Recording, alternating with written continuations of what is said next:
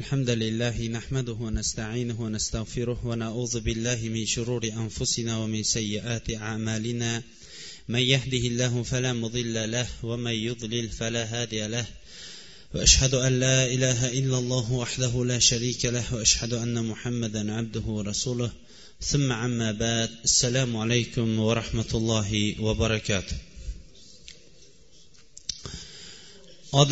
odatimizga binoan suhbatimizni boshlashdan avval alloh taoloning go'zal ismlari va oliy sifatlari bilan ushbu majlisimizni muborakli va davomiy majlislardan qilishligini tarqalishligimizda esa alloh taoloning ilm halaqalarini qidirib yuruvchi farishtalari bizlarga qarata ey allohning bandalari endi sizlar o'rninglardan turaveringlar vaholanki sizlarning gunohinglar endi kechirilindi degan majlislardan qilishligini so'rab suhbatimizni boshlaymiz. Alloh taologa beadad hamdlar bo'lsin. Mana iymon silsilalaridan bo'layotgan majlislarimiz jahannam do'zaxga bo'lgan iymon endi jahannam sifatlari bayon qilinib bo'lingandan keyin jannat haqiga kelib to'xtagan edi. Ko'pchilikning iltimosiga binoan bu darslar ketma ket silsilaviy bo'lganligi uchun eshitishlikka tartib bo'yicha raqam aytilib ketsa keyin eshitilganda tartib ham munosib bo'ladi degani uchun mana bugun raqamini ham aytib o'tamiz. Bugun jannat haqida bo'ladigan majlisimizning avvalgi majlisidir. Jannat bu alloh subhanava taolo o'zi tomonidan o'zining amriga itoat qilgan bandalar uchun beradigan eng katta mukofotdir. Alloh taolo uni o'zining avliyolariga va o'zining toat ahli uchun uni hozirlab qo'ydi. Jannat ahli jannat biron bir noqislikni o'z ichiga olmaygan to'liq bir ne'matdir. Uning sifati va undagi sifatlar insonning aqlini hayratda qoladigan ravishdagi sifatlarni o'z ichiga olgandir. Qarang alloh subhanava taolo hadisi qudusiyda أعددت لعبادي الصالحين ما لا عين رأت ولا أذن سمعت ولا خطر على قلب بشر deydi ya'ni men o'zimning solih bandalarimga ko'z ko'rmagan quloq eshitmagan va insoniyatning qalbiga tushmagan ne'matlarni hozirlab qo'ydim deydi agar e'tibor beradigan bo'lsak va'da berayotgan zot kim va'dani alloh subhanava taolo beryapti. Madomiki alloh taolo ko'z ko'rmagan quloq eshitmagan qalbinglarga ham tushmagan deydigan bo'lsa buni endi qanchalik katta ne'mat ekanligini inson o'zi tasavvur qila olishligi kerakdir. Jannatning muqobilida bu dunyo pashshaning qanotichalik vaznga ham ega emasdir. Hech narsaga ega emasdir. imom buxoriy sahl ibn saad as saidiy roziyallohu anhudan rivoyat qilgan hadisda qola qola rasululloh sollallohu alayhi vasallam mavdui savtin fil janna xayrum minad dunya va ma fiha dedi. Jannatdagi bir qamchichalik o'rin dunyo va dunyodagi hamma narsalardan afzal dedi. Jannatdagi bir qamchi miqdoridagi makon butun dunyo va butun dunyodagi ne'matlarning hammasidan afzaldir deydi. Haqiqatdan ham jannat solih bandalar uchun berilingan ular o'ylagandan ham ortiqroq qilib berilingan katta bir ne'matdir.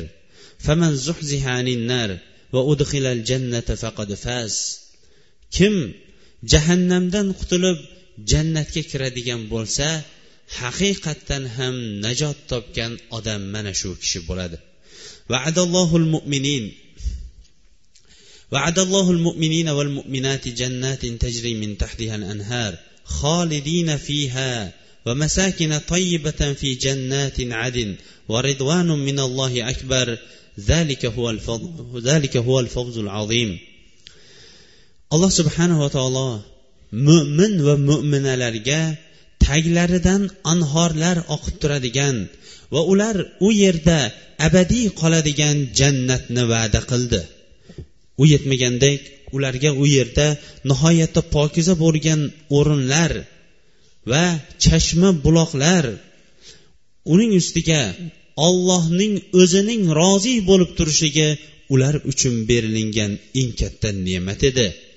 Bularning hammasi esa mo'minlar dunyoda qilgan amallari uchun berilingan eng katta mukofot mana shu edi ومن يطع الله ورسوله يدخله جنات تجري من تحتها الأنهار خالدين فيها وذلك الفوز العظيم kim olloh va rasuliga itoat qiladigan bo'lsa uni taglaridan anhorlar oqib turgan jannatlar jannat emas balki jannatlarga alloh taolo uni kirgizadi va ular u yerda abadiy qolajakdir. Bu esa ular uchun berilingan eng katta ne'matlarning bittasi. Jannatga kirishlik. Jannatga kirishlik mumkin emaski bu mo'min kishining saodati. Uni biron bir saodat buning muqobiliga kela olmaydigan bir saodat bo'lishligi kerak shuning uchun ham jannatga kiradigan jannat egalari ham jannatga to'da to'da bo'lgan holatda guruh guruh bo'lib jannatga kirishar ekan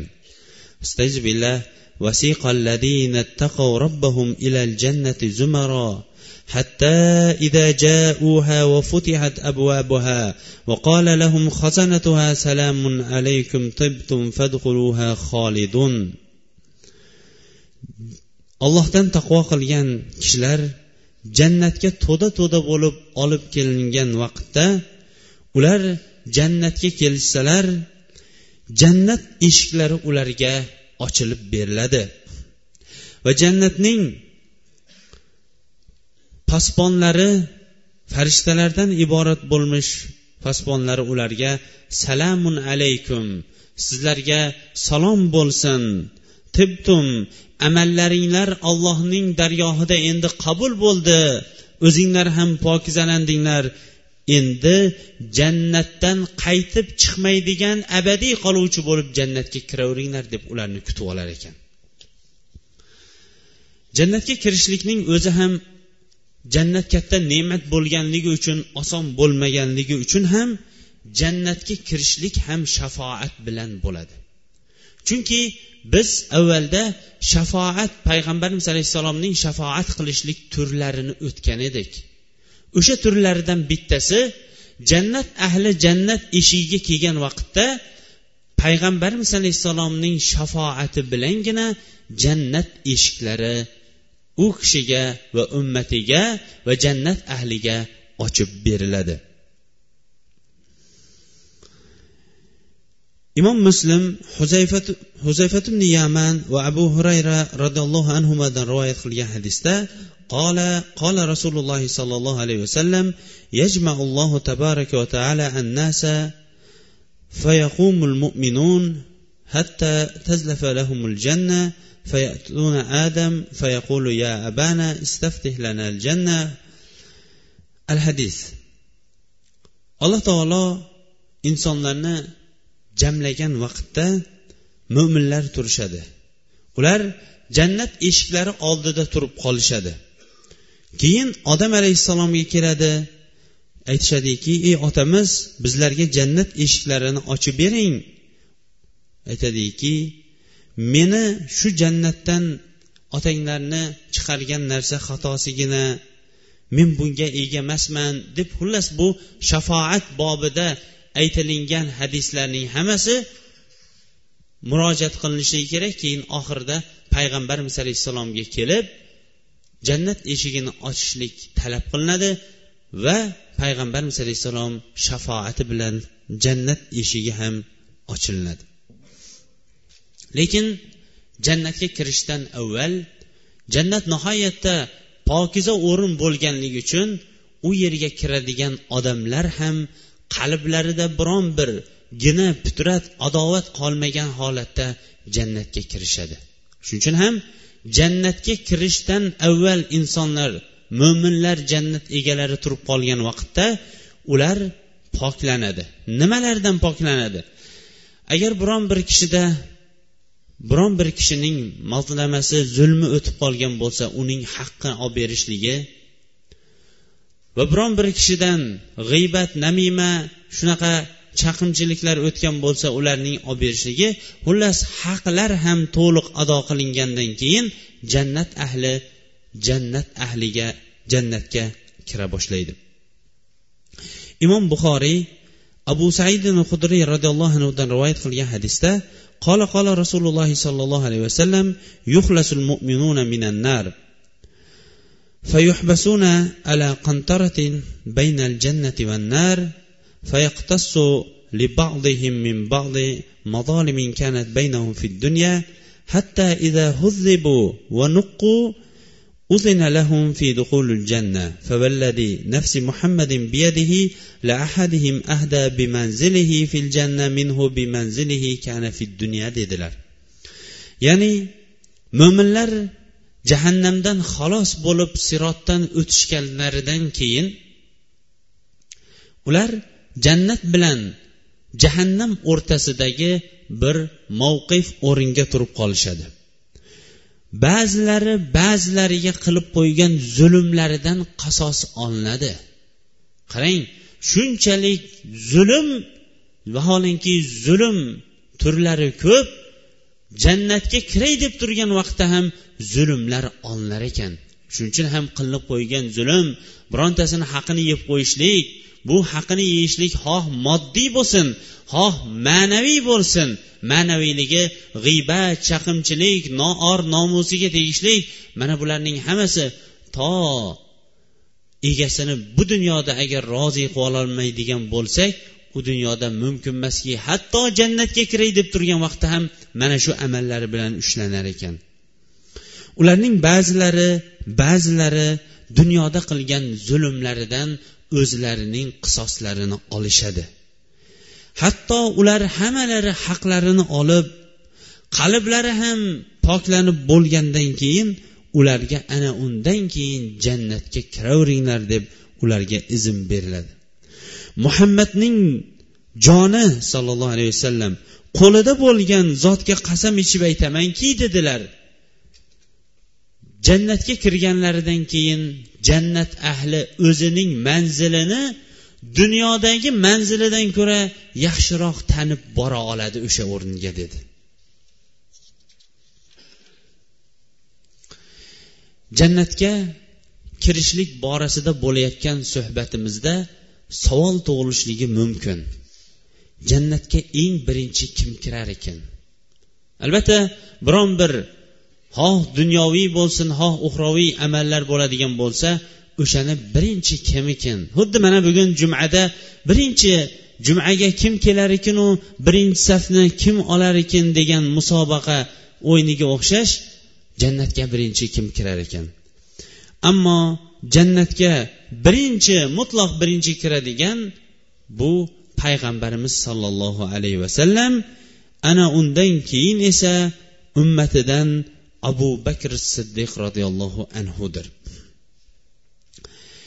Imom muslim anas roziyallohu anhudan rivoyat qilgan hadisda qola qola rasululloh sollallohu alayhi vasallam ana avvalu man yaqra ay babal janna va fihi aydan ana avvalu shafiun fil janna. Payg'ambarimiz alayhissalom aytdilarki men eng birinchi jannat eshigini qoqadigan jannat eshigini taqillatadigan birinchi men bo'laman dedi. Shu lafzda shu hadisda bo'lsa yana men birinchi jannatga shafoat qiluvchi ham men bo'laman dedilar. Anas roziyallohu anhudan rivoyat qilgan hadisda mana ati babal janna fa astaftihu. Jannat eshigiga kelib uni ochishligini talab qilaman. Man ant? Shunda posbon aytadiki sen kimsan? deydi. Men aytamanki muhammad deyman sallallohu alayhi vasallam. U aytadiki bika umirtu la aftahu li ahadin qablak. Sendan avval hech kimga ochmaslikka buyurilingandim deydi.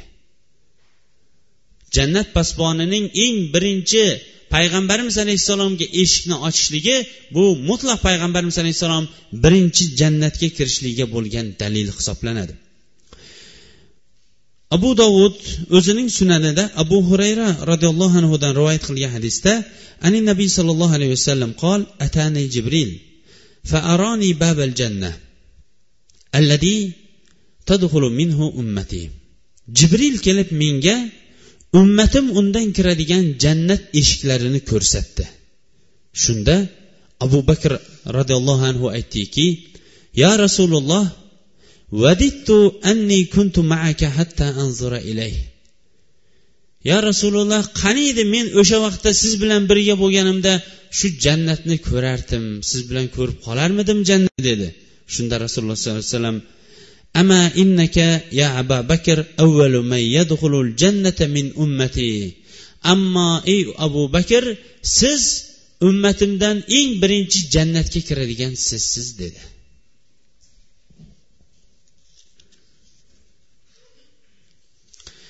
jannatga kirishlik sifati davom etayotgan vaqtda insonlar jannatga har xil amallari bilan bo'lgani uchun ular har xil suratda har xil kayfiyatda kirishadi. Bir toifa insonlar jannatga hisob kitobsiz kirishar ekan. Mumkin emaski ular islom arkonlarini amal qilishlikda bir cho'qqiga yetgan insonlardir.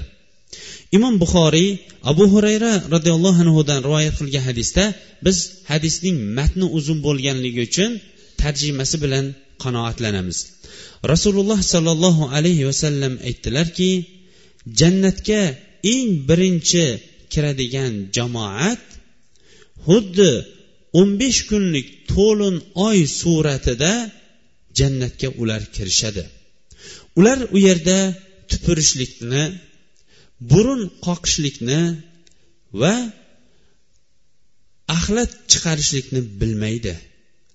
Ularning idish tovoqlari u yerda tilladan ammo taroqlari bo'lsa tilla va kumushdan iborat.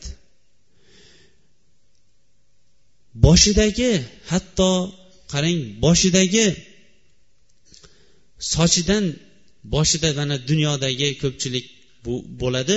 Kepagi yoki boshqa bosh bilan soch qovog'i o'rtasidagi chiqib qoladigan ba'zi amallar ammo jannatdagisi miskdan iborat bo'ladi dedi. Ularning har birlariga ikkitadan huri aynlar beriladi. Nima uchun huri ayn deyilgan? Chunki ko'zlar ko'rganda quvonadigan. Ko'z quvongandan keyin mumkin emaski ko'z qalb bilan bog'liqdir. Ko'z quvongandan keyin qalb ham xotirjam bo'ladi. Shuning uchun ham hur ayn deb bu jannatda beriladigan farishtalarga mana shu nom qo'yilgan. Ularning har biriga mana shunday ikkitadan farishtalardan iborat bo'lgan ayollar beriladi. Ularning jamoli shunchalikki orqa tomonlaridan miyalarigacha ko'rinib turadi dedi. Jamol pokizalik va iffatdan ularning shunchalik ravishda go'zalligi ko'rinib ketadi. Ular o'rtasida biron bir kelishmovchilik tortishuv bo'lmaydi.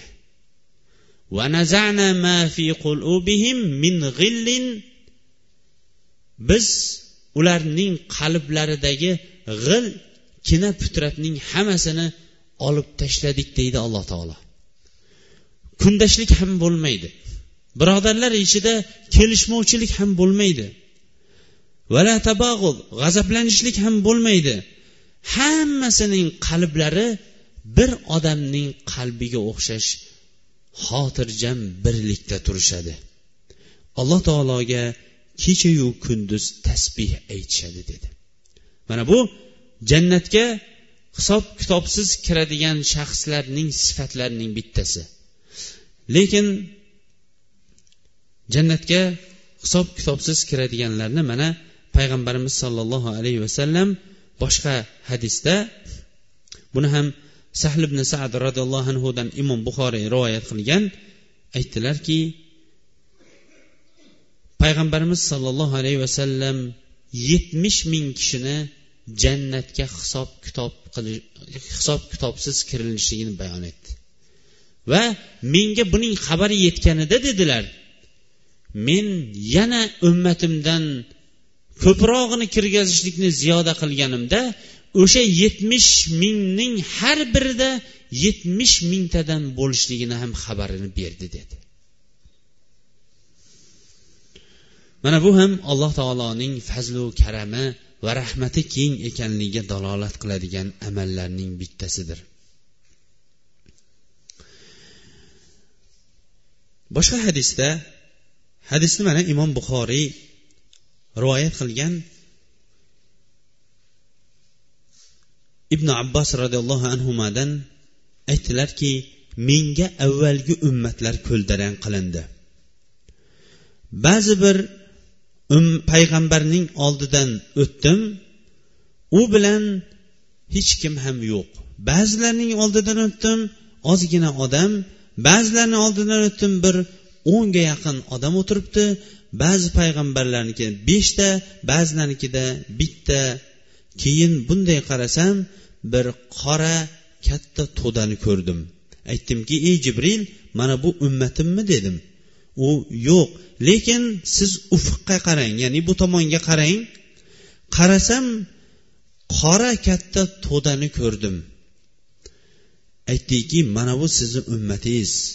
Ularning ichida yetmish mingi eng birinchi jannatga hisob kitobsiz va azobsiz kiradi.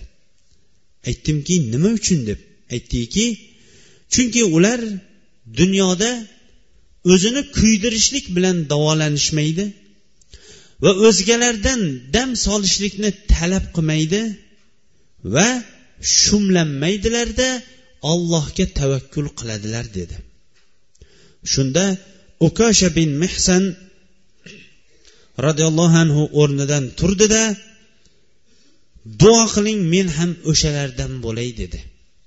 Payg'ambarimiz alayhissalom allohumma minhum ey olloh uni ulardan qil dedi. So'ngra boshqa kishi turdida duo qiling meni ham alloh taolo ulardan qilsin dedi. Shunda sabaqaka biha ukasha bu ukosha sizdan o'zib ketdi bu amalda dedi. Bu hadisdan olinadigan foydalar. Alloh taoloning fazlu karami marhamatining kengligi. Yetmish ming kishini hisob kitobsiz hisob kitobsiz azobsiz kiritishligi. Lekin bu yetmish ming kishining sifatining eng birinchisi o'zini kuydirib davolamaganlar. O'zini kuydirib davolashlik asosan tabobat ilmi rivojlanmagan vaqtda ko'p bo'lgan. Chunki u vaqtda o'sha yarani yoyinki badandagi nozik bo'lib turgan joyni kuydirib yuborib turib o'sha yarani o'ltirishlikka harakat qilgan. Shariatimiz esa bundan qaytargan. La yuazibu binnar illa robbun nar deganlar payg'ambarimiz alayhissalom. Ya'ni olov bilan olovning egasigina azoblaydi degan. Shuning uchun ham olov bilan yoyinki olovga tegishli bo'lgan narsalar bilan inson ham hayvonlar ham azoblanilmaydi. Olovga tegishli mana bugungi kundagi chiroq ham olov. Shuning uchun ham chiroq bilan baliq tutishlik yoyinki chiroq yo'llari bilan ba'zi hasharotlarni o'ltirishlik mana bu shariatimizda qaytarilgan amallardandir. Ikkinchisi o'zlariga dam solishlikni talab qilmaydi. Dam solishlikni talab qilmaslik ularning iymoni baquvvat ekanligiga dalolat qiladigan amaldir. Chunki payg'ambarimiz sollallohu alayhi vasallamga bir toifa katta sahobalar keldida bayat qilishdi ahdu paymon berishdi. O'sha ahdu paymonlardan bittasi agarchi boshlariga qattiq musibat tushadigan ravishda biron ish bo'lib qolsa ham o'zgalardan biron narsani so'ramaslik edi.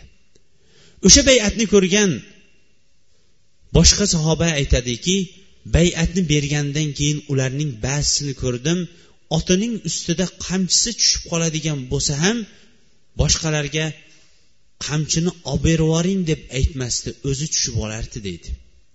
Bu ularning yolg'iz ollohgagina bog'lanib ollohdangina so'rab turib ollohdangina madadni bog'lanishlik bandalar oldida xor bo'lishlikni chetlatib qo'ygan va allohgagina tavakkul qiladigan mana bu haqiqatdan ham qalblari iymonlari mustahkam buyuk darajaga yetgan insonlar edi. Ammo bu yerda ikkinchi masala bor. Ibn usaymin rahimaulloh al qavlul mufidda mana shu hadisni keng sharhlagan u kishini ba'zi kalimalarini keltiramiz. Hadisda aytdiki yetmish ming jannatga hisob kitob azobsiz kiradigan shaxslar ular birinchi sifatini o'tdik ikkinchi sifati o'zlariga dam soldirishlikni talab qilmaydi.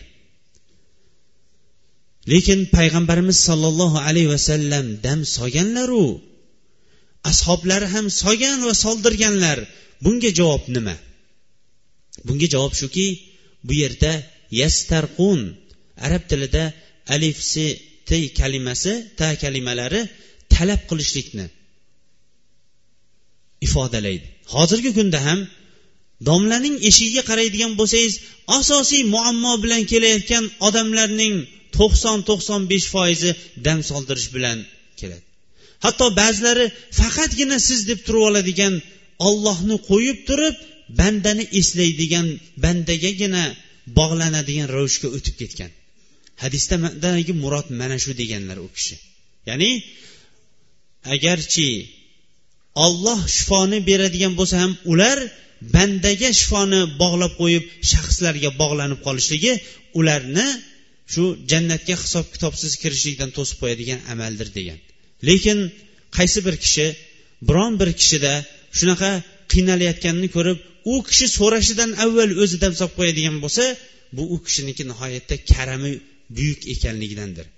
Ammo allohgagina bog'langan holatda dam soluvchi kishining oldida xorlanmagan holatda dam solishlikni so'ranadigan bo'lsa bu ham joiz bo'lgan amallardan chunki payg'ambarimiz alayhissalom mana muttafaqun alayh bo'lgan hadisda hasan va husayn roziyallohu anhularni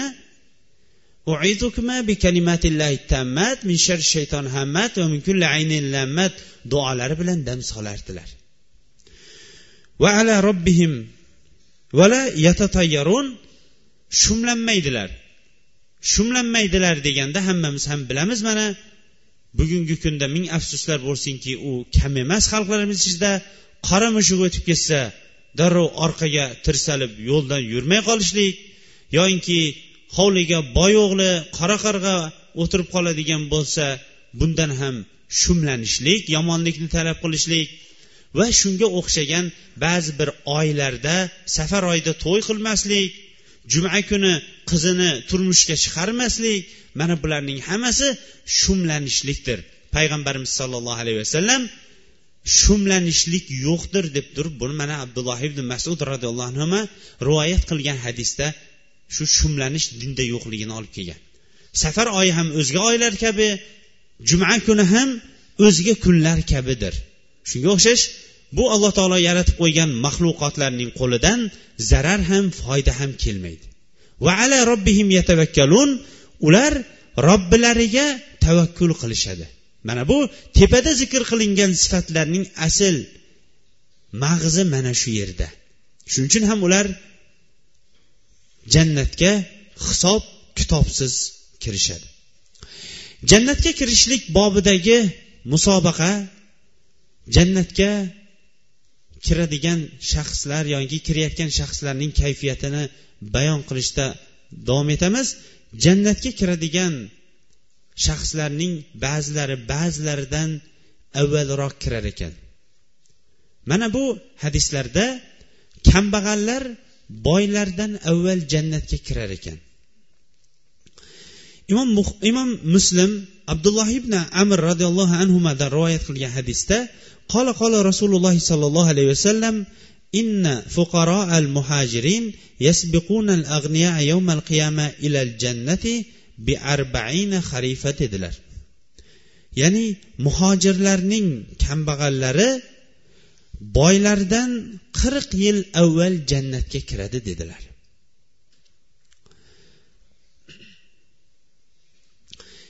Imom termiziy abu said al hudriy roziyallohu anhudan rivoyat qilgan hadisda esa fuqaroul muhajirin yadxulunal jannata qabla ag'niyaihim bi sana. Muhojirlarning faqirlari jannatga boylaridan besh yuz yil ilgari kiradi degan. Mana bu ikki tepada zikr qilingan ikkita hadisni quyidagi hadislar bizlarga izohlab beradi. Imom hokim o'zini mustatragida abdulloh ibn amr roziyallohu anhudan chiqargan hadisda payg'ambarimiz sollallohu alayhi vasallam ashoblariga qarab turib aytdilarki sizlar ummatimdan jannatga avval kiradigan jamoani bilasizlarmi dedi. Ular olloh va rasuluhu bilguvchiroq dedi. Shunda muhojirlarning faqirlari ular qiyomat kunida jannat eshiklariga kelishadi va ochishlikni talab qilishadi. Ularga jannat posboni aytadiki hisob kitob qildinglarmi? deydi. Shunda ular hisob kitob qilinadigan narsamizning o'zi yo'qdir. Biz bilan shu olloh yo'liga qo'yib qo'ygan qilichimizdan boshqa narsa yo'q. Shunday vafot etib ketganmiz deyishar ekan. Keyin ularga farishta jannat posboni eshikni ochib beradi va ular boshqa insonlardan qirq yil avval jannatga kiradi. Jannatga kirishligi qirq yil avvalligi ular jannatga charchab kelib bir uxlab tursa qirq yili o'tib ketgan bo'lar ekan. Haqiqatdan ham buni qanday ne'matlar tez o'tib ketadi desa inson o'zining biron bir hayotida ne'matga g'arq bo'lgan kunini bir eslaydigan bo'lsa ko'z yumib ochgunicha o'tib ketgan. Ozgina azob bo'ladigan bo'lsa bu o'tmay qoladi. Ozgina azob bo'ladigan bo'lsa o'tmay qoladi. Ammo ne'mat bo'ladigan bo'lsa bu bir ko'z yumib ochguncha o'tib ketar ekan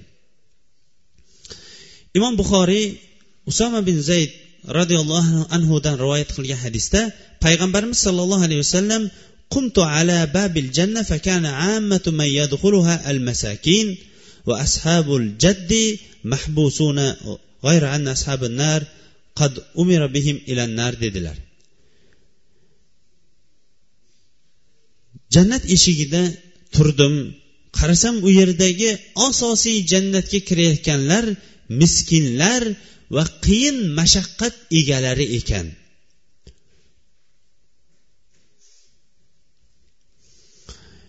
Tepadagi qirq yil bilan besh yuz yilni ba'zi bir ulamolar jamlagan ekan. O'shalarda mana imom qurtubiy aytgan ekanki fuqarolar faqirlar ham har xil bo'ladi. Xuddi boylar ham har xil bo'lganiga o'xshash. Ba'zilari hech qanaqa faqirligi bo'lmagan insonlar jannatga birinchi kiradigan bo'lsa ozroq narsasi bo'lib turib lekin faqir hisoblangan odamlar ulardan keyinroq kirib undan keyin odamlarning kirishligi avvalgi kirganlar besh yuz yil keyingilar esa keyingi odamlar bilan o'rtaliqdagi vaqti shu qirq yilga to'g'ri keladi degan ekanlar. Jannatga yana kirishlik avval kiradigan shaxslarni payg'ambarimiz sollallohu alayhi vasallam imom termiziy hasan isnodi bilan abu hurayra roziyallohu anhu roziyallohu anhudan rivoyat qilgan hadisda urida alayya avvalu salasati yadkhuluna janna shahid va afif mutaaffif va abdun ahsana ibadatallohi va nasaha mavalihi dedilar. Jannatga menga eng avval jannatga kiradigan uchta shaxs menga ko'rsatilindi. Birinchisi shahid ikkinchisi afif iffatli uchinchisi esa o'zi qul lekin ollohning haqqini ham ado etgan va o'zining hojasini ham ado etgan qul dedilar. Islomda qulchilik bo'lgan lekin ba'zi bir qullar ozod qilinganda koshki men qulchiligimda qolganimda yaxshi bo'lardi degan qullikni ular orzu qilishgan. Ba'zi bir sahobalar ham qul bo'lib o'tib ketishligini orzu qilgandi. Chunki islomdagi qulchilik shunchalik dunyoning o'zida katta va chiroyli muomalalar bilan ularga muomala qilingan oxiratda esa ularga har bir amaliga ikkitadan mukofot berilingan. Mana bu o'rinda ham ollohning haqqini ado etgandan keyin o'zining dunyodagi hojasining haqqini ado etgan qul jannatga birinchi kiradiganlardan deb hisoblanyapti. Ana undan keyin jannatga osiy bo'lgan dunyoda namoz o'qib turib ro'za tutib turib hajga borib turib lekin gunoh amallarini qilib qo'yganlik sababli gunohlariga yarasha jahannamda o'zlarining jazosini olganidan keyin jannatga kiradiganlar ham bo'lar ekan. Lekin ular faqatgina tavhid ahli bo'lmoqligi kerak. Yolg'iz ollohning o'zigagina ibodat qilgan shirkdan xoli bo'lganlargina mana shu maqomga darajaga yetishligi mumkin. Lekin shirk aralashgan bo'lsayu lekin kechayu kunduz ibodat qilgan kechalari tahajjudda kunduzlar ro'zada bo'ladigan bo'lsa ham lekin uning shirki u kishini jannatga olib kirib qo'ya olmaydi. Imom muslim abu said hudriy roziyallohu anhudan rivoyat qilgan hadisda payg'ambarimiz sollallohu alayhi vasallam aytdilarki ammo jahannam ahllari ular u yerda tirilmaydilar ham o'lmaydilar ham mana shu holatda ularga azob davom etaveradi. Lekin ba'zi bir insonlar o'zlarining gunohlari yoyinki xatolari sababli ular jahannamga tushgan. Ular bir o'ltirilishlikda o'ltirilingan va qiynalib azoblanilgan va cho'qqa aylanilgan. Ularga shafoat izn beriladi. Shafoatning turlarida payg'ambarimiz alayhissalom ularga ham shafoat qilishligini bayon qilgan edik. Ularga keyin kelib shafoat qilingandan keyin ular ham jamoa jamoa bo'lib turib jannatdan jahannamdan jannatga chiqishadi. Va jannatning anhorlarida cho'milishadi. So'ngra ularga aytadilarki jannat ahliga ey jannat ahllari bularning ustilariga jannat anhorlaridan suvlarni quyinglar to'kinglar deydi. Suvlar quygandan keyin ular xuddi dunyoda seldan keyin nabototlar ko'karib o'sib otib chiqqaniga o'xshash ularning kuyib ketgan badanlari qaytadan tirilib badanlari yana avvalgi holatiga qaytadi. Lekin ming afsus bo'lsinki ba'zi insonlar o'ylab qolishi mumkin baribir jahannamdan jannatga chiqish bor ekanu deb ba'zi gunohlarida davom etib qolishi mumkin. Olloh biladi o'zi kimni chiqarishligini va kimni rahmiga olishligini lekin jannatga chiqqan vaqtda ham ularning holi nima bo'ladi? Imom buxoriy imron ibn husayn roziyallohu anhudan rivoyat qilgan hadisda payg'ambarimiz alayhissalom aytdilarki jahannamdan chiqqan qavmlar payg'ambarimiz alayhissalomning shafoati bilan ular jannatga kiradilar. Lekin jannat ahllari uni jahannamiylar deb nomlaydi. Kimlar desa ey falonchi jahannamiy xuddi dunyoda falonchi kim? deydigan bo'lsa falonchi boru doim qiyshayib yuradigan falonchi boru doim yolg'on so'zlaydigan deb turib insonlar ularga laqablarni amallariga yarasha bo'lgan laqablarni qo'yib olganga o'xshash jannat ahli ham jahannamdan chiqqanlarga aytar ekanki ular jahannamiylar deb aytar ekan. Bu tamg'a baribir ulardan o'tishligi nihoyatda og'ir va qiyin bo'lgan tamg'alarga aylanib qolar ekan. Imom muslim abu hurayra roziyallohu anhudan rivoyat qilgan nihoyatda uzun hadis buning ham ma'nosi bilan qanoatlanamiz. Alloh taolo bandalar o'rtasida hukm qilib bo'lgandan keyin o'zining rahmati bilan jannat ahlidan ba'zi bandalarini tepada zikr qilganimizga o'xshash shirk alloh taologa shirk keltirmagan xolis ibodat qilgan lekin gunoh amallarni qilib qo'ygani uchun jahannamga tushgan bandalarini chiqarishlikni xohlab farishtalarini buyurar ekan. Allohga biron narsani sherik qilmagan shaxslarni chiqarishligini va la ilaha illallohni aytgan shaxslarni aytib amal qilgan shaxslarni chiqarishligini farishtalar ularni sajda o'rinlaridan bilishadi deydi. Sajda o'rinlaridan ular jahannamda tanishadi. Chunki odam farzandining sajda o'rinlariga jahannam tegolmaydi jahannam olovi unga tegmaydi. Qarang ibodatning ta'siri hatto hamma tomonlari to'rt tomoni emas olti tomonidan olov kelib turadigan o'rinda ham ollohga qilgan ibodatni o'sha yerdagi ollohning bir maxluqoti bo'lib turgan olov ham unga tega olmas ekan. Payg'ambarimiz sollallohu alayhi vasallamning ibn abbos roziyallohu anhuga ihfadillaha yahfaduk ollohning buyruqlarini saqlang olloh sizni saqlaydi degan hadislarni ham shu yerda unutmaylik. Agar bu o'rinlar yettita a'zo sajda qiladigan bo'lsa ko'zlar olloh harom qiladigan o'rindan saqlaniladigan bo'lsa quloqlar olloh harom qilgan o'rinlarni eshitishdan saqlanadigan bo'lsa yuzlar faqatgina olloh rozi bo'ladigan o'rinlarga buriladigan bo'lsa tillar faqatgina olloh va rasulining kalomini gapirib g'iybat chaqimchilik va boshqa kalimalardan chetda bo'ladigan bo'lsa a'zolar esa oyoq va qo'llar sajdada va allohning toatiga burilingan oshqozon esa faqatgina ro'za va toat ibodat bilan bog'langan bo'lsa badan esa haromdan bo'lgan luqma bilan ozuqalanib yo'g'onlab semirmagan bo'lsa mana bu badanni jahannamning olovi tega oladi deysizmi? Ollohning amrlarini saqlang o'shanda olloh sizni saqlaydi.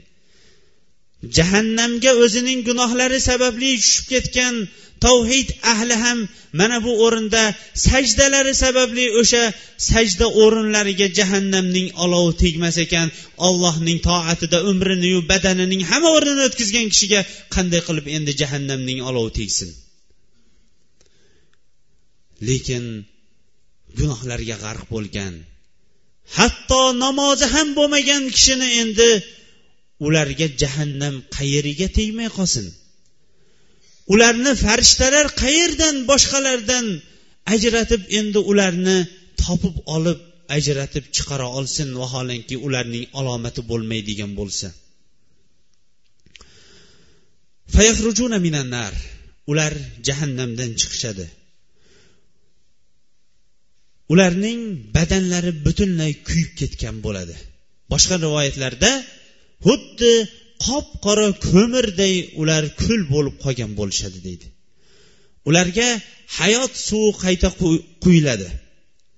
Ular qayta o'sib chiqadi badanlarning hammasi. Xuddi bahordagi yomg'irda ko'kat novdalar o'sib chiqqaniga o'xshash.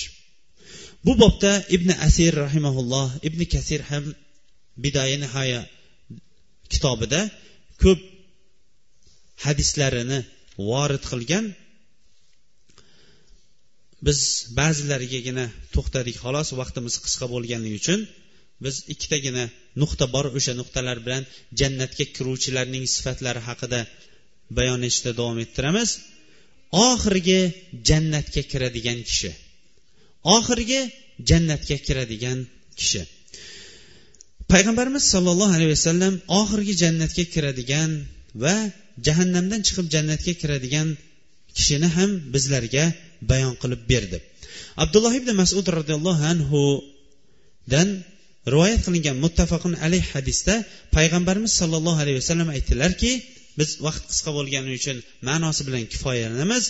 Men jahannamdan oxirgi chiqadigan va jahannamdan chiqadigan va jannatga oxirgi kiradigan kishini men bilaman. Bu kishi jahannamdan emaklab jahannamdan chiqadi dedi. Keyin alloh taolo unga aytadiki bor jannatga kir deydi. Jannatga keladi va jannatni ko'rib o'ylab qoladiki jannat to'lib qolibdi deydi. Keyin qaytib alloh taologa aytadiki ey robbim men jannat to'lib qolgan holatda topdim jannat to'lib qolibdi deydi. Alloh taolo aytadiki bor jannatga kir. Jannatga sen jannatda senga dunyochalik narsa bor deydi. Yer kurrasichalik bo'lgan o'rin sen uchundir deydi. Keyin yana aytadiki va ashratu amsaliha va yana dunyoga o'n barobar shuncha narsa bor deydi. Eng jannatga oxiri jahannam ahli bo'lib jahannamiy bo'lib turib jannatga kirgan insonga berilayotgan ne'mat. Shuning uchun ham hadisni tepadagi hadisni qayta takror aytamiz.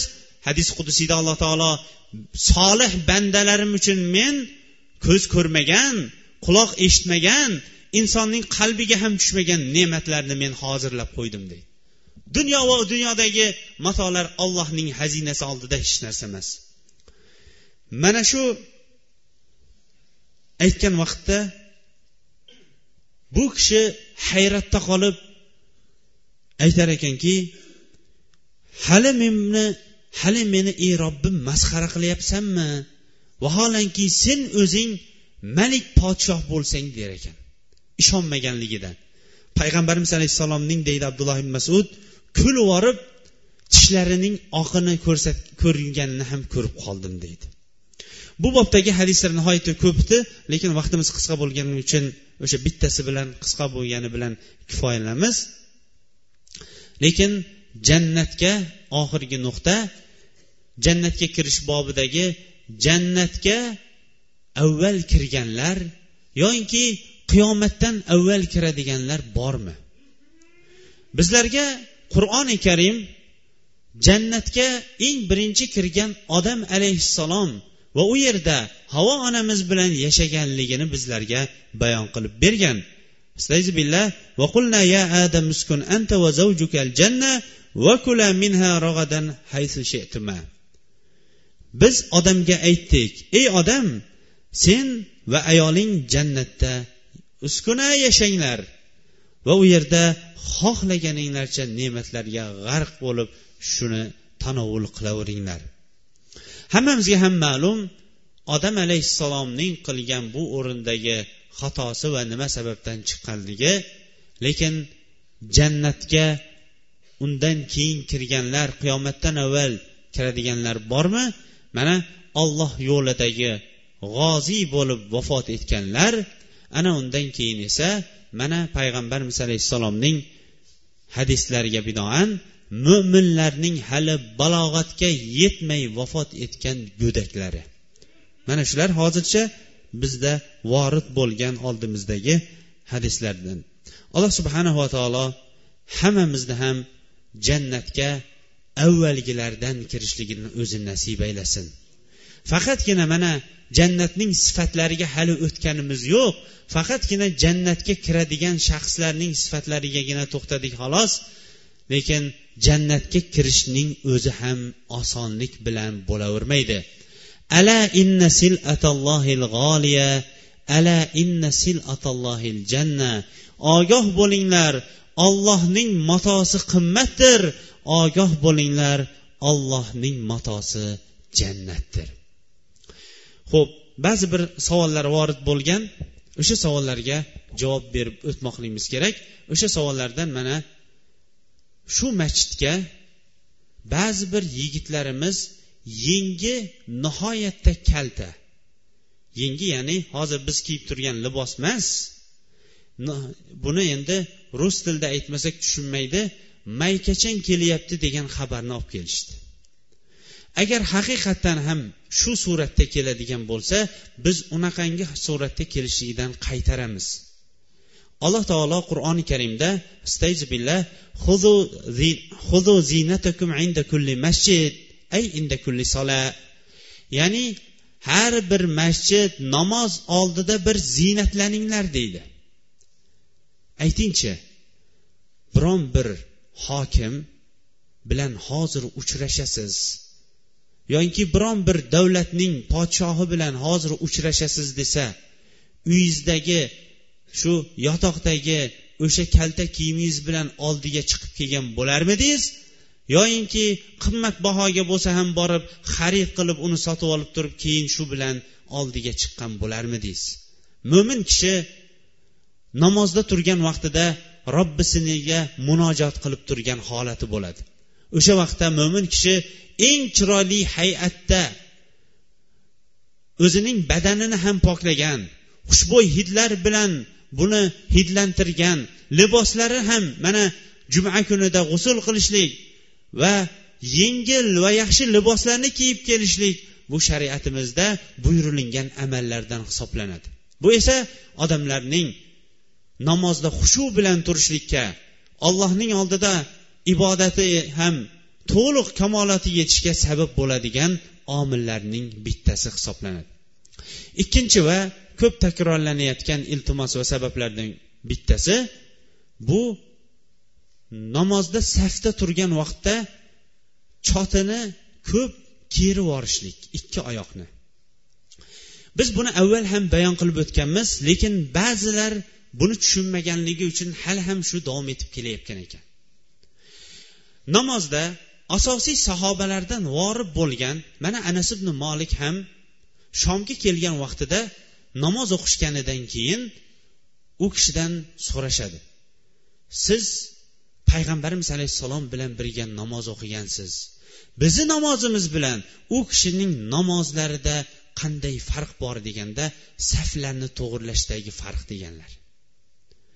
Saflarni to'g'irlashlik qanday bo'ladi? Buni ham bizlarga sahobalar bayon etgan. Saflarni to'g'irlashlik mana bir xil chiziq bilan turishlik o'rtani ochiq qoldirmaslik yelkalar yelkalarga oyoqlar to'piqlar to'piqlarga tegadigan ravishda turishlik.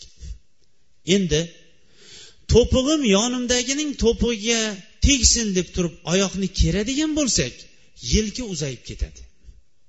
Bu bilan biz ikkita noto'g'ri ishni qilamiz. Birinchidan yelka namozda kechirasiz oyoq namozda yelka bo'yli turishi kerak. Agar yelka bo'yli turadigan bo'lsa yoningizdagi namozxon kelib sizni yelka bo'yingiz turadigan bo'lsa shunda oyoq oyog'iga tegadi. Ikkinchidan siz oyog'ingizni chotingizni ko'p yelka bo'ylidan kerib yuborganingiz sababli yoningizdagi namozxon ham sizga yaqinlasha olmaydi. Uchinchidan bu xushuni ketkazadi. Oyog'ini keng yoyib turgan kishi xushu bilan ko'p o'qiy olmaydi. Va uzoq turadigan bo'lsa mana sahobalarga o'xshash qiyomda uzoq turadigan bo'lsa oyog'i tez malollanib og'rib qolishligiga sabab bo'ladi. Shuning uchun ham namozda turgan vaqtda yelka kengligida oyoq to'piqlari to'piqlariga teggan yelkalar yelkaga teggan holatda namoz o'qishlik mana payg'ambarimiz alayhissalom va ashoblarining namozda turgan saflariga o'xshash saflar bo'ladi. Mana to'piqlar to'piqlarga tegishdan murod maqsadini vallohu alam hozir hamma tushungan bo'lsa kerak. Uchinchi masala ayollar masjidga kelib dars olishligi bid'atmi bid'at emasmi degan masala ko'tarilibdi. Ayollar masjidga kelib dars olishligi bid'at degan gaplar ham bo'libdi. Ammo bu savol e, berilishidan avval agar kitob murojaat qilinganda sahobiya ayollarning nomlari aniq aniq olingan bo'lardi. Lekin qaysi sahobiya ayol esimda yo'q? Bu ayol aytadiki men payg'ambarimiz alayhissalom minbarda qof surasini ko'p o'qiganligi uchun qof surasini payg'ambarimiz alayhissalomdan yodlab olganman deydi. Bu nimaga dalolat qiladi? Masjidda turib payg'ambarimiz alayhissalomdan ta'lim olganligiga dalolat qiladi. Imom molik hozir esimizda bo'lgan ba'zi dalillarni keltiramiz xolos. Imom molik bir kuni o'zining halaqasida mana shunday o'tirgan edi. Orqada o'tirgan bir ayol kichkina bir dastro'molchaga bir narsani tuygan holatda oldingi safga berib yubordi. Qo'lma qo'l savol suratida kelgan bu dastro'molcha imom molik rahmatullohi alayhning qo'liga yetib keldi. Dastro'molchani ochib qarasa qizil olma. Hayolinglarga kelmasin o'sha vaqtda ham domlaga tugib bergan ekanda deb. Lekin hayolinglarga kelsinki nima savol ekan bu deb. Hozir javobini ham beramiz lekin o'shanda ham topgan odam bo'lsa inshaalloh mukofot ham beramiz. Imom molik bu olmani ikkiga bo'ldida bo'lganligini o'sha ayol tomonga ko'rsatdida yana dastromonchaga tugib qaytarib berib yubordi. Javob unda mukofot o'zimizda qoladi. Javob shuki keyin so'rashganda aytdiki savol berdi ayol. Ayollarning hayosini qarang. Ayol kishi uzrlik qoni kelgan qizil olmadi. Uzrlik qoni kelgan vaqtda qachon namozini o'qisa bo'ladi deganda olmani ikkiga bo'lib o'sha qoni ya'ni oqargan vaqtida deb javobini berib yubordim degan ekan. Bu nimaga dalolat qiladi? Bu dalolat qiladigan narsalari ko'p lekin dalolat qiladi o'sha vaqtdagi ayollar masjidda o'tirishib darsni olishgan ular ham. Imom shofiy rahmatullohi alayhning onalari imom shofiyni besh yoshlik davridan masjidda haramda kabada shayxlarning ustozlarning shu yoqdagi halqalariga o'zi yetaklab yuborib halaqaga o'tkazib qo'yib ana undan keyin o'zi nariroqda o'tirardi. Biron bir kishi u kishi u ayolni chiqib keting bu yerda dars olsangiz bo'lmaydi deb uni inkor qilmasdi. Masjid erkaklar uchun dars oladigan o'rin bo'lganiga o'xshash ayollar uchun ham dars oladigan o'rindir.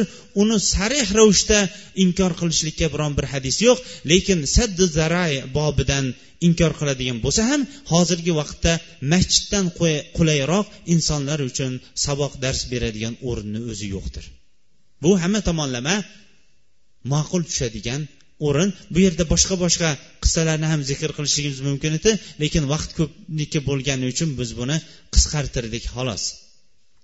Shu bobdan oysha onamiz qaytargan ekanu degan shubhani vorid qilishdi.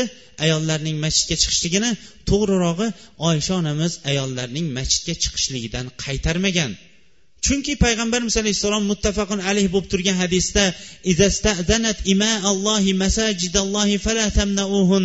agar ollohning cho'rilari ya'ni ayollar masjidga chiqib namoz o'qishlikda siz erkaklardan ruxsat so'raydigan bo'lsa sizlar ularni qaytarib qo'ymanglar deb payg'ambarimiz aytib turadigan bo'lsa oysha onamiz buni qanday qaytarsin? Ammo ularning gaplari shunaqa bo'lgan. Agar sizlar ko'chaga shunaqa masjidga ko'p chiqib erkaklar bilan ayollar aralashib ketadigan mana shu surat hozir ko'payib ketdi deb ya'ni vaqt o'tgandan keyin odamlar ham ayollar ham erkaklar ko'p bo'lib masjiddan qaytayotganda ham ular ko'p bo'lib ba'zilari ba'zilari yo'lda aralashib qolishga sabab bo'lganini ko'rgandan keyin aytganki mana bu holatni agar payg'ambarimiz alayhissalom ko'rganda balkim qaytararmidi? degan.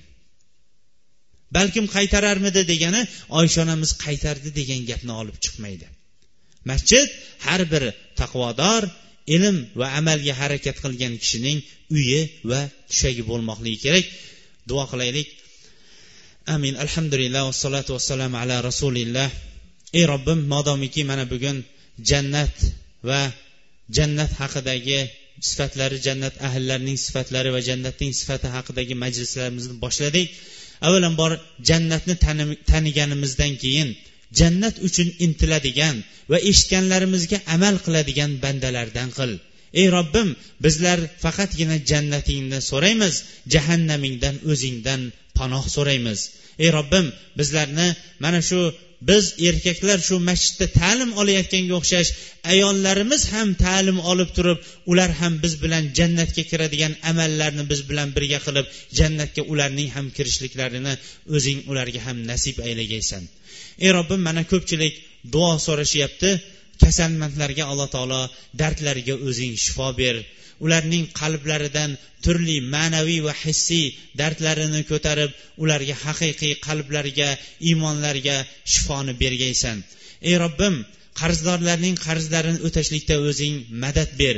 Ey robbim dehqonlarimizning olayotgan mana bu hosillariga o'zing baraka ato et va ularga kasbkorlariga bergan barakotingni o'zing rozi bo'ladigan va yaxshi ko'radigan o'rinlargagina sarflashlikka o'zing tavfiq ber. Ey robbim biz payg'ambarimiz sollallohu alayhi vasallam nima yaxshilikni so'ragan bo'lsa o'sha yaxshilikda biz ham so'raymiz. Nima yomonlikdan panoh tilagan bo'lsa biz ham o'sha yomonlikdan panoh tilaymiz. Ey robbim bu bizni diyorlarda esib turgan mana bu shamolni bizlar uchun o'tgan ummatlarga jo'natilganga o'xshash balo va ofat shamoli qilib qo'yma rahmat shamoli qilgin. Faqatgina ishlarimizni hammasini yaxshilik bilan tamomlagaysan. Ey robbim bizni eng yaxshi amallarimizni oxirgisi qil. Eng yaxshi kalimamizni la ilaha illalloh qil va oxirgi va eng yaxshi kunimizni o'zingning jamolingni jannatda ko'radigan kunlardan qil va sallallohu taala xalqi muhammad va ala alihi sohbi ajmain bi rahmatika arhamar rohimin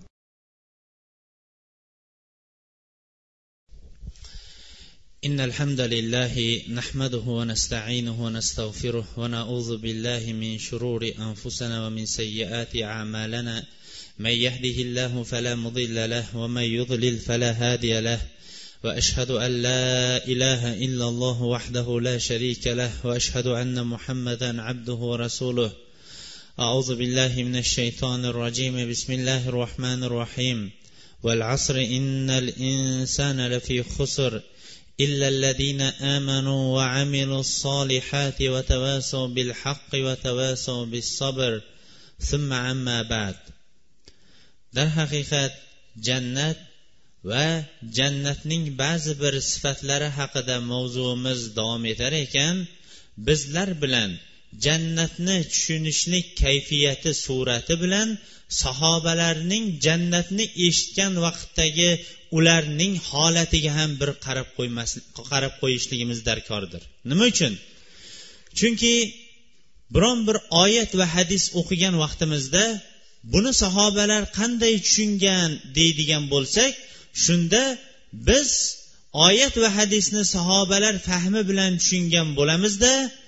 Oyat va hadisning ma'nosidan yaxshi unumli va to'g'ri foydalana olgan bo'lamiz. Shu bobdan ham jannat zikr qilingan vaqtda sahobalarning holatlari qanaqa bo'lardi? Albatta jannatni zikr qiluvchi payg'ambarimiz sollallohu alayhi vasallam bo'lardi. Jannat ularga zikr qilingan vaqtda ular o'zlarini jannatda deb topishib qolardi. Hatto ba'zilar aytadiki jannatning o'zida o'tiribmizmi? Jannat halaqalaridami? deb biz o'ylab qolardik deydi.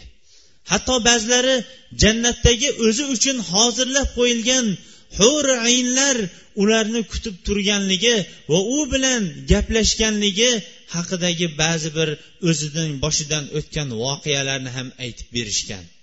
Darhaqiqat man ahabba shay'an aksara zikrahu. Kim bir narsani yaxshi ko'rib qoladigan bo'lsa uni nomga olish yodga olishlikni eslashligi uniki ko'p bo'ladi deydi. Ko'pchiligimiz jannat haqida eshitamiz. Ba'zilarimiz jannat haqida u bu kitoblarni ham o'qib qo'yganmiz lekin har bir duoyimizdagi ikkita so'rog'imizning bittasi jahannamdan panoh jannatni so'rashlik bo'ladimi? Yoyinki jahannam yo jannatning sifatlarini eshitgan vaqtimizda men qaysi birining ahlidan ekanman degan savol tug'iladimi? Jannat va jannatdagi ne'matlar zikr qilingan vaqtda men o'shanga yarasha loyiq bo'lgan amalni qila olyapmanmi? Bu ne'matlarga yetayotgan odamlar nima bilan bu ne'matga yetayotgan ekan degan savol nima uchun hammamizda paydo bo'lmaydi? Vaholanki ko'chada biron bir haybatli katta bo'lgan sayyora mashinalarni minayotgan odamlarni ko'rsak bu qaysi yo'l bilan shu mashinani olishlikka erishibdi? Bu qaysi yo'l bilan mana bunaqa qavat qavat imoralarni imoratlarni solishlikka yetishibdi? Bu qaysi yo'l bilan bunchalik obro'li puldor bo'lib ketibdi deb buning yo'lini qidiramizu? Lekin abadiy qasrlari insonni lolga lol qoldiradigan qasrlarining g'ishtlarining o'zi oltin va kumushdan iborat bo'lgan. Buni inshaalloh keyingi jumada bayon etamiz. Loyining o'rtasida turgan bu g'ishtining o'rtasidagi loyning o'zi ham zafaronu kumushdan bo'lgan. Mana bu nima uchun jannat qasrlari uchun oshiq bo'lmaymiz? Jannatni alloh subhanava taolo yaratib qo'ydi. Jannatdagi hurlarni yaratib qo'ydi. Jannat o'zining egasini kutib turibdi. Hur aynlar o'zining hojasini kutib turibdi? Hattoki hadisda keladi mana inshaalloh majlislar vaqti kelganda keladi. Dunyoda ayol kishi biron bir er eriga o'ziga ozor yetkazadigan bo'lsa jannatdagi hurlar aytar ekanki qotarakilla olloh sizni halokatga uchratsin. Sizni oldingizda mehmon bo'lib turibdi yaqinda bizni oldimizga ketib qoladi deb shunaqa duo qilib turar ekan. Sahobalarga mana shu hur aynlar sizni kutib turibdi jannatdagi ne'matlar kutib turibdi degan vaqtda meni nima narsa to'sa oladi jannat bilan dunyoni o'rtasini deganda o'limgina sizni to'sib turibdi deganda qani edi shu o'ringa tayyor bo'lib darrov o'sha yoqqa men rihlat etib ko'chib ketsam deyishardi. Nima uchun? Chunki ular jannatga kiradigan amallarning hammasiga tayyor bo'lib amallarning hammasini qilib qo'ygan bizchi biz jannatni tushunishligimiz bilan sahobalarning jannatni tushunishligida nihoyatda katta farq bor.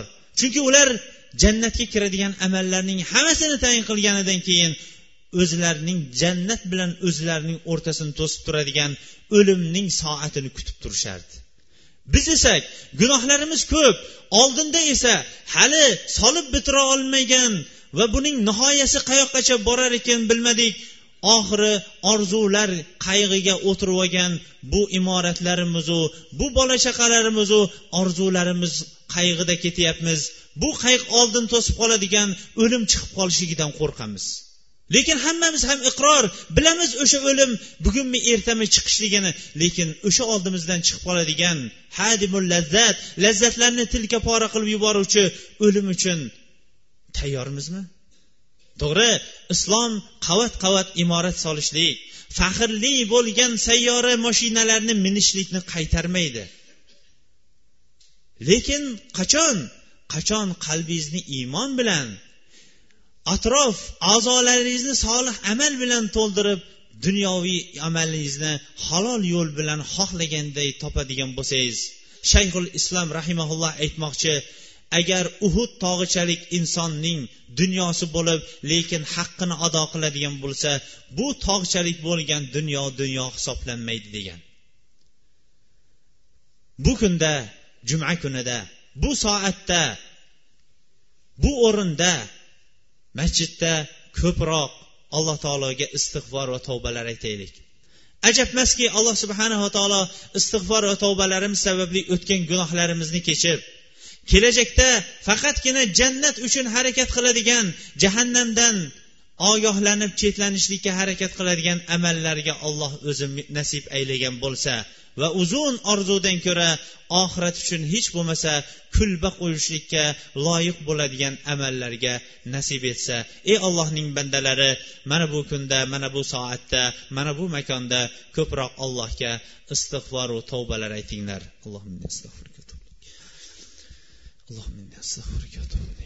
alhamdulillah والصلاة والسلام على رسول الله وعلى آله وصحبه ومن اهتدى بهدي إلى يوم الدين وبعد insonni jannat bilan inson o'rtasini to'sib turadigan narsa ozgina u ham bo'lsa ba'zi bir soniya yoki soniyani o'z ichiga olmaydigan muddatlardir lekin bu muddatlar ichida inson o'zining qilayotgan amali ixlos bilanmi yoki ixlossizmi buni ham bir o'lchab ko'rmoqligi kerak. Abdulloh ibn masud roziyallohu anhudan rivoyat qilgan uzun hadisda payg'ambarimiz alayhissalom o'sha biz uchun shohid bo'lgan o'rnini zikr qilamiz bir kishi amal qiladi. Bu kishining amali shunchalik hatto jannat bilan o'zining o'rtasida bir qarishgina bir qarish joy qolganday bo'ladi deydi. Lekin alloh taolo uning oxirgi amalini burib jahannam ahlining amalini qiladida jahannam ahlidan bo'lib ketadi. Ikkinchi kishi umri bo'yi jahannam ahlining amalini qilib o'tadi. Hatto u bilan jahannam o'rtasida bir qarichgina o'rin qoladi. Keyin alloh taolo uning qalbini va amalini bir burib yuborishlik bilan jannat ahlining amalini qiladida shu bilan vafot etadi va jannat ahllaridan bo'ladi. Bu sizu bizning qilayotgan amallarimizning ixlosiga bog'liqdir. Agar biz haqiqatdan ham jannat uchun amal qilayotgan bo'lsak alloh taolo oxirgi amalimizni ham jannatga loyiq bo'lgan amal bilan yakunlar ekan. Agar qilayotgan amallarimizni hammasi juma kuni qo'ni qo'shnilar uchun bir ko'rinib qo'yishlik yoki dadasidan uyalganligi uchun borib qo'yishlik yoinki bu ta'ziyaga u yoq bu yoqqa chiqqanda uyalib qolishdan borib qo'yishlik namozni ham o'shanaqa xo'ja ko'rsin xo'ja eshitsin uchun qilinadigan amallar bo'ladigan bo'lsa alloh taolo baribir o'zining dargohiga borayotgan shaxslarning haqiqiy amali nima ekanligini ko'rsatib qo'yishlik uchun oxiratda oxiratdan avval uning amali bilan sharmandalarcha hayotini yakunlar ekan. Demak jannatga boriladigan amallarning eng avvalgisi bu ixlosdir. Alloh taoloning go'zal ismlari va oliy sifatlari bilan hammamizni ham alloh taolo qalblarimizni ixlos bilan va tashqarilarimizni ham ixlos bilan ziynatlashligini so'raymiz. Bizlarga jannat va jannatning ne'matlarini bayon etgan payg'ambarimiz sollallohu alayhi vasallamga ko'proq salotu salomlar yo'llashlikni bu kunda unutmaylik. Chunki payg'ambarimiz alayhissalom menga ko'proq salotu salomlar jo'natib yuboringlar xossatan juma kunida deganlar. استعيذ بالله إن الله وملائكته يصلون على النبي. يا أيها الذين آمنوا صلوا عليه وسلموا تسليما. اللهم صل على محمد وعلى آل محمد. كما صليت على إبراهيم وعلى آل إبراهيم إنك حميد مجيد. اللهم بارك على محمد وعلى آل محمد. كما باركت على إبراهيم وعلى آل إبراهيم إنك حميد مجيد. اللهم أعز الإسلام والمسلمين وأذل الشرك والمشركين. اللهم أعز الإسلام والمسلمين وأذل الشرك والمشركين. اللهم يا رب المستضعفين نج المستضعفين في العالم. اللهم يا رب المستضعفين نج المستضعفين في العالم. اللهم يا رب المستضعفين نج المستضعفين في العالم. ربنا آتنا في الدنيا حسنة وفي الآخرة حسنة وقنا عذاب النار. اللهم أرنا الحق حقا وارزقنا اتباعه وأرنا الباطل باطلا وارزقنا اجتنابه. اللهم إنا نسألك الجنة وما قرب إليها من قول أو أمل اللهم إنا نسألك الجنة وما قرب إليها من قول أو أمل اللهم إنا نسألك الجنة وما قرب إليها من قول أو أمل. اللهم نحن نحبك. اللهم بلغنا إلى حبك والعمل الذي يبلغنا إلى حبك وبالأشخاص الذي يبلغنا إلى حبك يا ذا الجلال والإكرام. ربنا آتنا في الدنيا حسنة وفي الآخرة حسنة وقنا عذاب النار. عباد الله فاذكروا الله ذكرا كثيرا وسبحوه بكرة وأصيلا. وآخر دعوانا أن الحمد لله رب العالمين.